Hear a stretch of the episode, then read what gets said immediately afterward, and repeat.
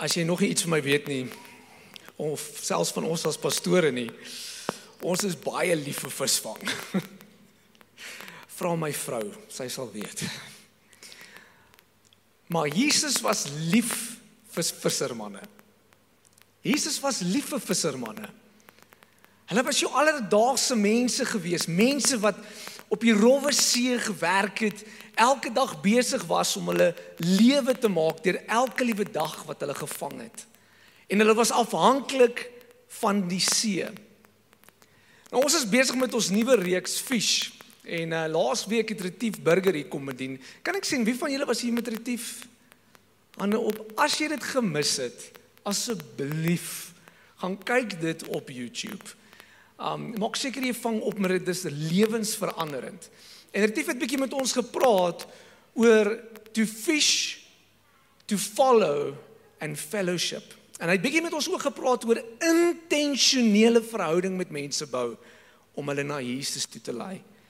En ons gaan bietjie in die volgende 3 weke wat voorlê, gaan ons bietjie indelf oor wat beteken dit? Wat verwag God van ons wanneer hy sê ons hy wil hê ons moet vissers van mense word.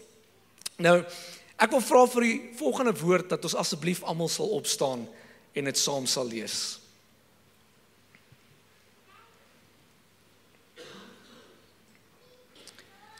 Mark 1 verse 17 says the following Come, follow me, Jesus said, and I will send you out to fish for people. Ek wil ons moet weer saam sê. Come follow me, Jesus said, and I will send you out to fish for people. Kom ons sluit ons oë vir 'n oomblik. Aba Vader, ek bid dat U woord nou met ons elkeen sal praat. Ek bid dat die Heilige Gees ons harte sal oopmaak om te luister oor wat U van ons, U disippels verwag. En ons sê amen. Kan jou sitplek weer inneem. Dankie. Nou ek wil hê ons moet op daai eerste woordjie gaan fokus. Wat sê kom? Kom. Wat beteken dit as ek vir die kinders sê Joshua, Caitlin, kom hier. En hulle gaan aan met wat hulle wil doen. Paas. Gewoonlik hoe dit werk in die Afrikaanse kultuur gewoonlik hoe dit met my ook gewerk het. As ek as ek in die moeilikheid was en my my pa sal sê Bram kom hierso en ek antwoord nie, selfs my ma, my ma het meer as enige iets gedoen. Abraham, Jakobus, Peens. Dan roep sy my op al my name om seker te maak ek verstaan. Hierdie is ernstig. En dan los jy waarmee jy besig is en jy hardloop na jou ouers toe en jy sê ja ma, skus ma. Is dit nie so nie?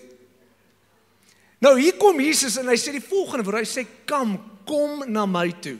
Wat beteken dit? Beteken jy gaan na Jesus toe. Maar dit beteken ek gaan nie net na Jesus toe nie. Dit beteken ek los agter waarmee ek besig was. Dit beteken ek maak 'n opoffering in my lewe om te sê dit waarmee ek besig was is minder belangrik as wat die koning van my wil hê. And it means I'm going to him leaving behind. Ek is besig om 'n opoffering te maak. Maar hier's die ding wat ons moet besef is om 'n disipel te wees van Jesus beteken om 'n lewe te leef van opoffering beteken ek moet 'n lewe leef van opoffering. Intentionele opoffering. As jy nie weet wat jy opoffer vir Jesus nie, bevraagteken ek of jy regtig hom volg. As jy nie intentioneel kan sê hierdie is die goed wat ek 'n opoffering maak in my lewe of of my tyd, finansies of wat ook al dit is in my verhoudings nie, then are you truly sacrificing something that is important? Is jy regtig besig om iets op te gee? Want ongelukkig ons as mense, ons hou van comfort. Wie van julle het in julle huis, paas, het jy 'n spesifieke plek waar jy sit? Kan ek gou sien? Kan ek ja, klomp hande, paas. As hy, as ek nou aan die lyn. Beter. OK. En daai stoel, as daai kinders in daai stoel sit en jy kom by die huis. Dan word hoe wat gebeur gewoonlik? Gewoonlik gaan jy mos na die stoel gaan, dan gaan jy net so. Sê nie 'n woord nie. Kind staan op, spring af en jy gaan sit na jou lang dag. Ons het 'n begeerte na altyd na 'n plek toe waar ons gemaklik wil leef. En kan ek jou nou sê, as jy moet eerlik wees vir 'n oomblik, baie keer wat ons van God af vra, is sodat ons in meer gemak kan lewe. Terwyl God eintlik wil hê ons moet ongemaklik wees. Kom ek vra hierdie vraag: Wie van julle wil 'n disipel van Jesus wees? Kan ek sien hande? Is fantasties. Hoor hierdie skrifgedeelte. Luke 9:23 says, Then he said to them all, whoever wants to be my disciple must deny themselves and take up their cross daily and follow me. So daar's twee goed wat hy sê. Dit sê we must deny ourselves. My wil, wat ek wil hê, wat ek begeer, waartoe ek wil gaan, wat ek wil hê sodat ek dink ek kan gelukkig wees. En hy sê ons moet dit nie een keer doen nie. Ons moet dit wat doen? Daagliks. Dit help nie ek kom Sondag hier in en sê Here, my lewe behoort aan U. Maandag stap ek in die kantoor en dan is ek 'n hele ander mens. Because then it's all about me again. Hy sê ons het nodig om elke liewe dag 'n keuse te maak en sê Here, dit gaan alles oor U. It's about you. Dit herinner my aan 'n storie wat ek gelees het in die week. Joggen het my so geïnspireer. Abraham Binninger, hy was in die 17de 17de eeu, hy het van Switserland afgekom. En Binninger het met sy ouers oorgetrek na Amerika en op die reis met die boot is altoe sy ouers dood en oorlede en hy was 'n seun gewees. Hy was nog jonk, 16 jaar oud toe hy in 'n vreemde land aankom en hy het niks en niemand nie. Maar hy het Jesus gehad. En hy was lief vir die Here met alles binne in hom. En hy was besig om deur die landerye te stap, besig om 'n heenkome te soek, toe hy sien die slawerny wat gebeur en hoe mense besig was om te sukkel onder die sweet van die son.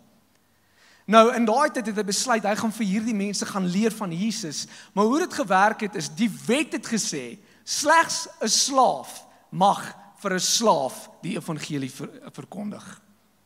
En daar was ander lande slegte teologie en en uh, ander ander ehm um, gelowe wat waar die slawe eienaars vir die slawe geleer het sodat hulle net kon onder hulle duime hou. En elke keer wanneer hy wou gaan om die evangelie aan die slawe te verkondig, het die slawe eienaars hom weggejaag en hulle wou hom toesluit want is teen die wet. Hy was so desperaat, hy het so 'n hart van liefde gehad vir hierdie mense wat onder verdrukking is, dat hy gegaan het na die goewerneur toe en die goewerneur gesmeek het, asseblief kan ek 'n slaaf word. Ek wil geen vergunning hê nie. Ek sal onder hulle lewe, ek sal by hulle wees. Vat my vryheid weg. As julle my wil slaan, kan julle my slaan. Asseblief, hulle kort Jesus se liefde. Ek is bereid om my vrye wil op te offer want hulle het Jesus nodig. En die goewerneur het nie geweet wat om te doen nie en hy het vir die koning 'n brief geskryf.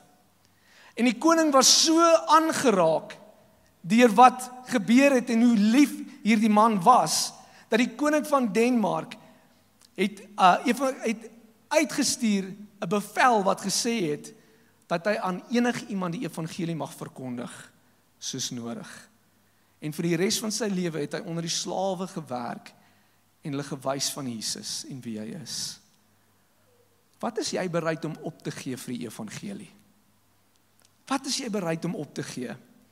Want alle opoffering is gegrond in liefde. Alle opoffering is gegrond in liefde. Kan ek jou hierdie vraag vra? Wat is jy bereid om op te gee vir jou kinders? Kan ek gou sien? Jou lewe? Jou besittings? Alles wat jy het? Want hoekom? Want jy is lief vir hulle. Ek wil so ver gaan om te sê dat jou opoffering wys die diepte van jou liefde. Hoe meer jy bereid is om op te gee vir sy koninkryk, hoe meer wys dit hoe lief het jy vir die koning. Maar as jy net in 'n plek van gemak is, dan is jy besig om op 'n cruise ship te ry en nie 'n battleship nie. Julle ons is nie besig om in die kerk mooi liedjies te sing en hier gaan ons op ons lekker cruise nie. Ons is besig om aan te tree en te sê Here gebruik my. Efesiërs 5 vers 1 tot 2 sê so mooi: Omdat julle kinders van God is en hy julle liefhet, moet julle sy voorbeeld volg. Lewe in liefde Soos Christus ons ook liefgehad het en hom sy wil sy lewe as 'n offergawe gegee het. Hy sê ja, offer wat vir God aanneemlik is. Die enigste opoffering wat vir God aanneemlik is, is 'n opoffering van liefde. En ons kan baie keer so gemaklik net in 'n plek kom wat ons ons gee ons tiende en ons doen alles wat ons moet doen. Ons is besig om vir Jesus op te offer, maar daar's nie regtig liefde in dit nie. En ons moet so versigtig wees daarvoor. Jesus was so lief vir verlore mense. So lief vir sy kinders dat hy alles gegee het vir hulle. Hy het nie 'n blyplek gehad nie. Hy het nie rykdom in hierdie wêreld gehad nie. Hy het baie kere gaan slaap langs die pad eers want die volgende dag besef hy daar's mense wat bereik moet word met die waarheid. Hy het alles opgegee en in daai selfde liefde moet binne in ons wees. Hoor dit sê dit oor die Fariseërs Luke 11 verse 42 Woe to you Pharisees because you give God a tenth of your mint rue and all other kinds of garden herbs but you neglect justice and the love of God. You should have practiced the latter without leaving the former undone. So dit sê ons het nodig om gedryf te word vanuit 'n plek van liefde. Want as jy lief is vir mense, sal jy opoffer soos wat Jesus opgeoffer het. Tweedens, opoffering het groot waarde. Wat beteken dit as ek iets opoffer? Is dit 'n opoffering as ek as ek 'n tamatie gee vir 'n uh, 'n burger? Is dit 'n groot opoffering? Nee. Opoffering is wanneer ek iets van groot waarde gee vir iets van groter waarde. En God verwag van ons om sekere opofferings te maak. Nou God kom wys eintlik hierdie opoffering met Abraham voordat dit selfs 'n groot nasie word, 'n heilige nasie. En Abraham was 'n ryk man. Die woord sê hy het baie besittings gehad. Hy hy hy het baie, hy het alles gehad wat hy nodig gehad het en meer. En God het hom geseën. Maar hy het nie 'n seun gehad nie. Hy het nie 'n nageslag gehad nie. En God het hom 'n belofte gemaak en gesê: "Abraham, ek gaan jou seën." Maar die woord sê dat hy 'n ou man was. En dit het, het onmoontlik gelyk. Hoeveel keer lyk beloftes wat God vir ons gee onmoontlik? Maar ons dien die God van die onmoontlike. En ons kry letterlik waar sy seun gebore word. Dink by jouself, daai vader hart, hoe opgewonde is hy oor hierdie seun wat uiteindelik hier is. Abraham sal maklik al sy besittings gee vir hierdie kind in 'n oomblik. Hy sal nie twee keer daaroor dink nie. En kyk wat doen die Here met Abraham. Genesis 22 sê, "Sometime later God tested Abraham." Vir ons aangaan wil ek dit sê jy sal getoets word. Jy sal getoets word.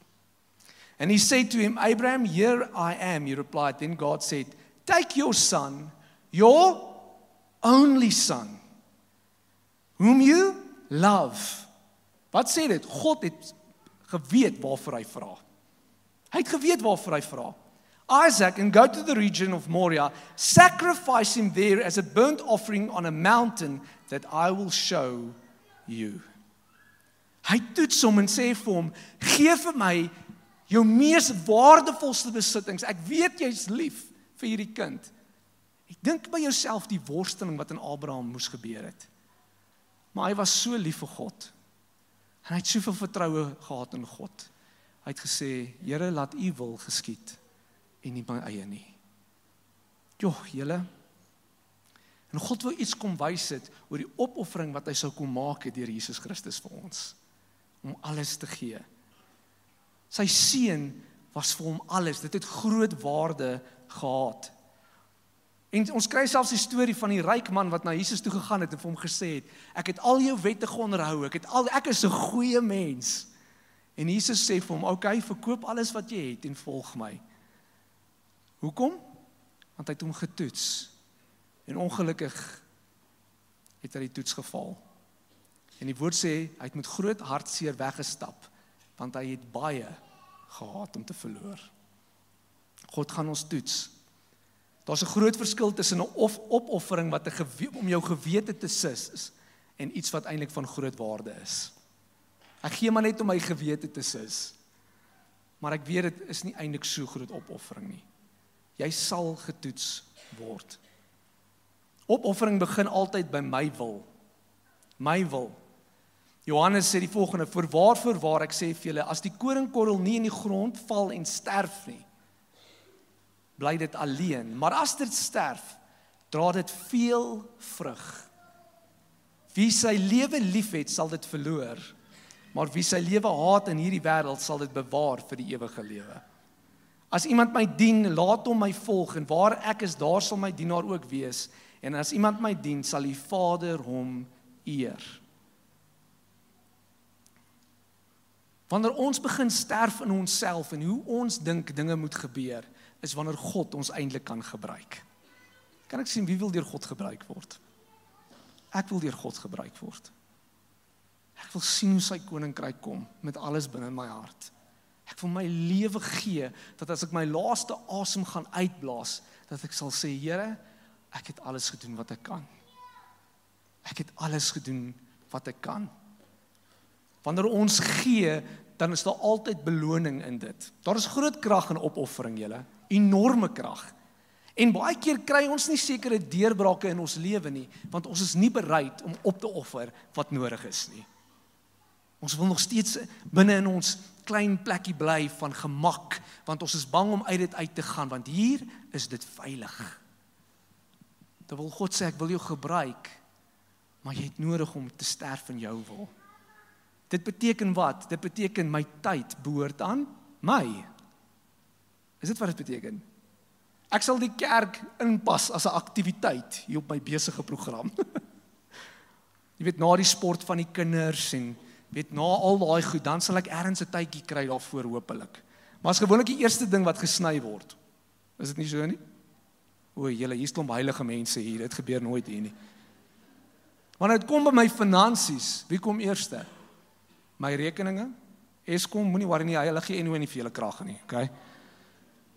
Is dit wat gebeur en dan hier in die einde as daar ietsiekie oor is, dan sal ons gee. Nee. My finansies behoort aan God, my huwelik behoort aan God, my verhoudings behoort aan God. Alles wat ek het is aan my vertrou, maar dit behoort aan hom. Daar's al mense wat kom en sê oor tiendes en offer gaan, dis braam. Is dit nou 'n tiende van hierdie? Is hoe werk ek hierdie ding nou uit? Word wakker. Alles wat jy besit behoort aan hom. Alles. En wanneer ons begin om na 'n plek toe te kom waar ons alles net so mooi wil kom uitwerk en seker maak, jy weet, wat kan ek gee om my gewete te spaar? Dan is ons besig om na religion aktiwiteite te, te beweeg.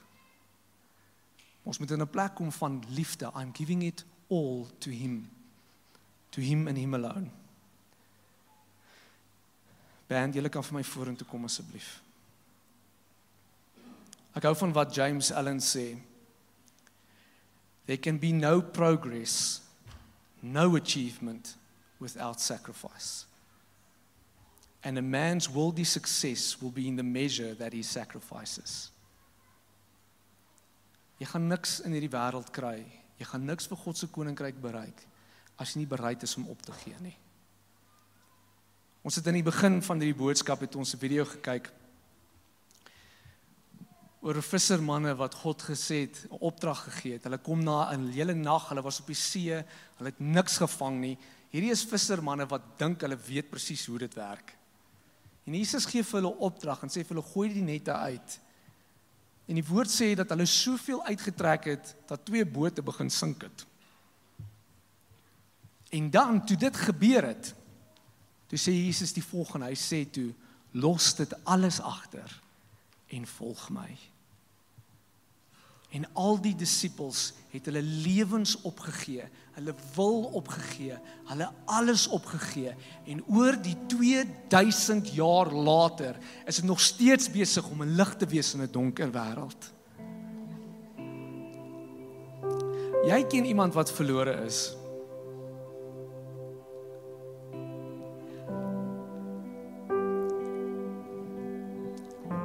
Wat Jesus nodig het. Miskien is jy te besig met jou eie goed. Jou eie programmetjie, jou eie dinge wat jy doen. Wat jy as suksesvol beskou.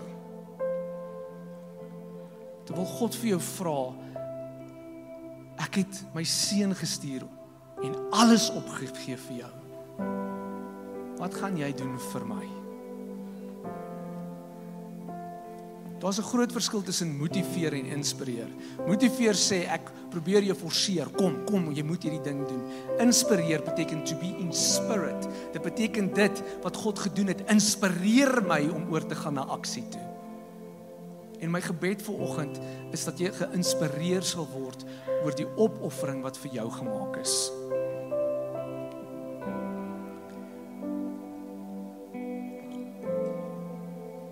Johannes die Doper is besig om mense te doop.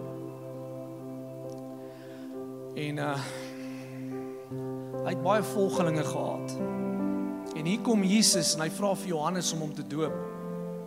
En hy hy besef wie Jesus is. Hy sê eintlik, Here, ek is nie eens waardig om jou skoenveters uit te trek nie. En die Here sê dit moet so wees. En op 'n stadium sê Jesus se disippels klomp mense begin doop.